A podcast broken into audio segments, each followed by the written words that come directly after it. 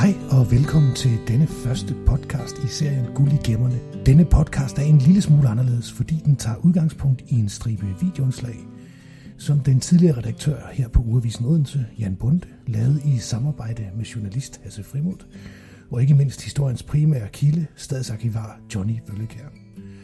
Trækløder de hoppede ned i kælderen i historiens hus, og der har de gravet nogle af de mest fascinerende, imponerende, tragiske, sjove eller gribende historier frem fra Odenses fortid. Nogle af dem de er udgivet før som video, og det er derfor, vi har lydsporet til blandt andet denne her podcast. Andre har aldrig set dagens lys, og med tiden vil vi forhåbentlig få lejlighed til igen at gå med Johnny Vøllekær ned i kælderen, så vi kan finde nye historier fra fortiden. I denne her podcast skal vi beskæftige os med en temmelig tragisk kærlighedshistorie. En frivillig i arkivet fandt i en sag om plejebørn fra 1892 et brev afsendt fra USA til Odense. I kuverten var, for uden et brev, en hårlok og en tørreblomst. Historien handler om ulykkelig kærlighed mellem to helt unge mennesker. En Karl Jensen og en Andrea Dorthea Rasmussen, der havde mødt og forelsket sig i hinanden. Den historie fortæller Johnny Vøllekær om her.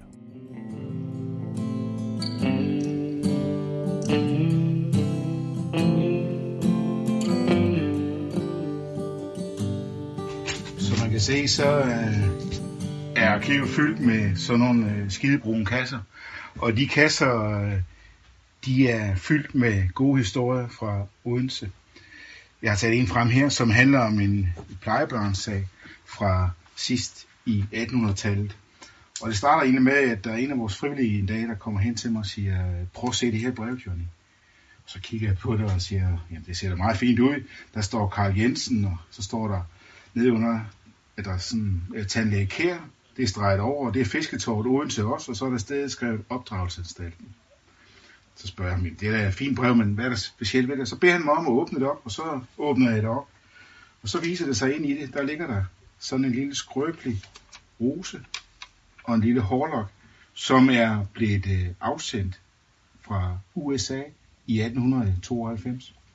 Afsenderen, det er en ung pige, der her Andrea Dotea Rasmussen.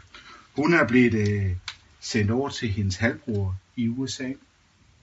Og det første, hun gør, da hun kommer derover, det er, at hun skriver et brev til hendes kæreste hjemme i Odense, der hedder Karl Jensen. De har lært hinanden at kende nede på arbejdsanstalten nede i, øh, i Vindegade. Og der, øh, der er brevet altså oprindeligt øh, havnet nede. Det var godt nok et andet sted, det skulle hen, men det bliver sendt derned. Og dernede, der sidder bestyren for, for arbejdsanstalten og opdragelsesanstalten og læser brevet. Og imens han læser det, så starter han med at blive gal, og han læser til enden og herindens historie om, hvordan hun rejser til USA. Så ender han faktisk med, at han bliver stikhavende tosset. Og hvorfor det? Jo, grunden er, at han synes jo, at det var ham, der skulle have haft det her brev, og ikke øh, den her Karl Jensen, fordi det var ham, der havde sørget for, at øh, hun var blevet ordentligt ekviperet, så hun fik nogle handsker og nogle tasker og noget, som hun skulle bruge, da hun skulle sendes derover. Det var også ham, der sørgede for, at der blev købt en billet, så hun kunne komme med den udvandrerbåd, der hed Norge, der, der rejste til, til USA. Så han bliver rigtig ej, men så ender det faktisk med, at han sådan kniger sig lidt i hænderne, forestiller mig, og siger, ha, jeg ved bare, Andrea, hvordan det gik med din kæreste, Karl.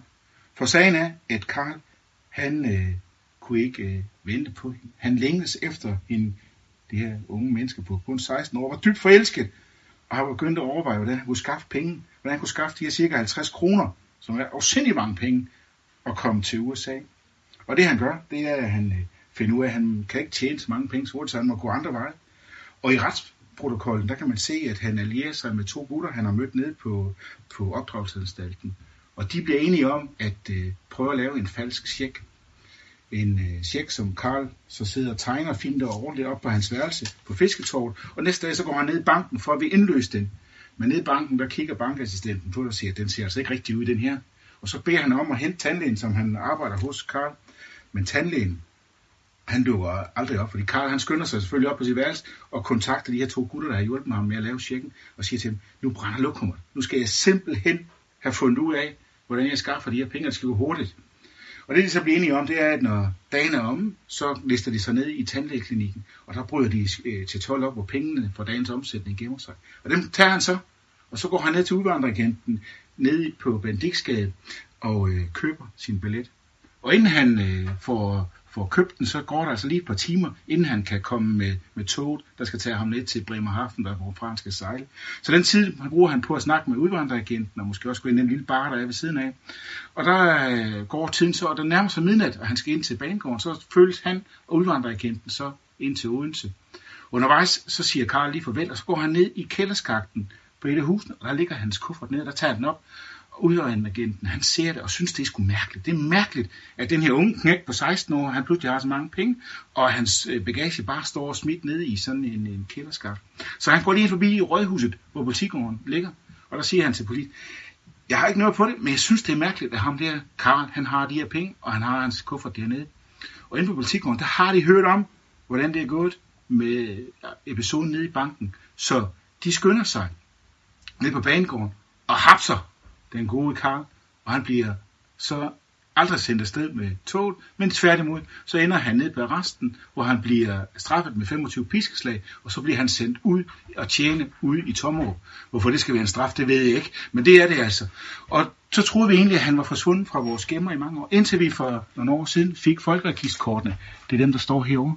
Øh, og der slog vi ham op, og der kunne vi se, at han dør som udgift i en alder af par 50 år. Så det er en trist, trist kærlighedshistorie om, hvordan at sådan en kasse her, en skidebrun kasse der, kan indeholde en vildt imponerende historie om, hvordan det var at være menneske sidst i 1800-tallet.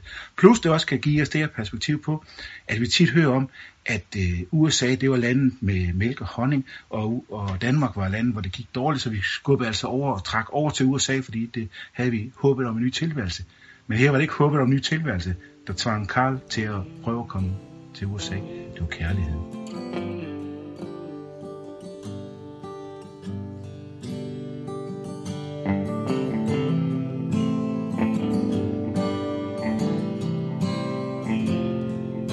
Og det var altså den temmelig tragiske historie mellem Karl Jensen og Andrea Dortea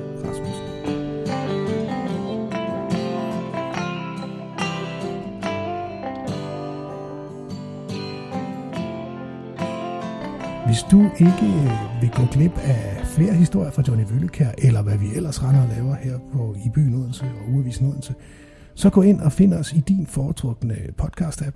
Søg på i byen Odense og tryk abonner. Så får du en lille bitte notifikation, når vi igen lægger nyt indhold op. Mit navn det er Claus Knargaard, og jeg glæder mig til, at vi igen høres ved her på podcasten i byen Odense.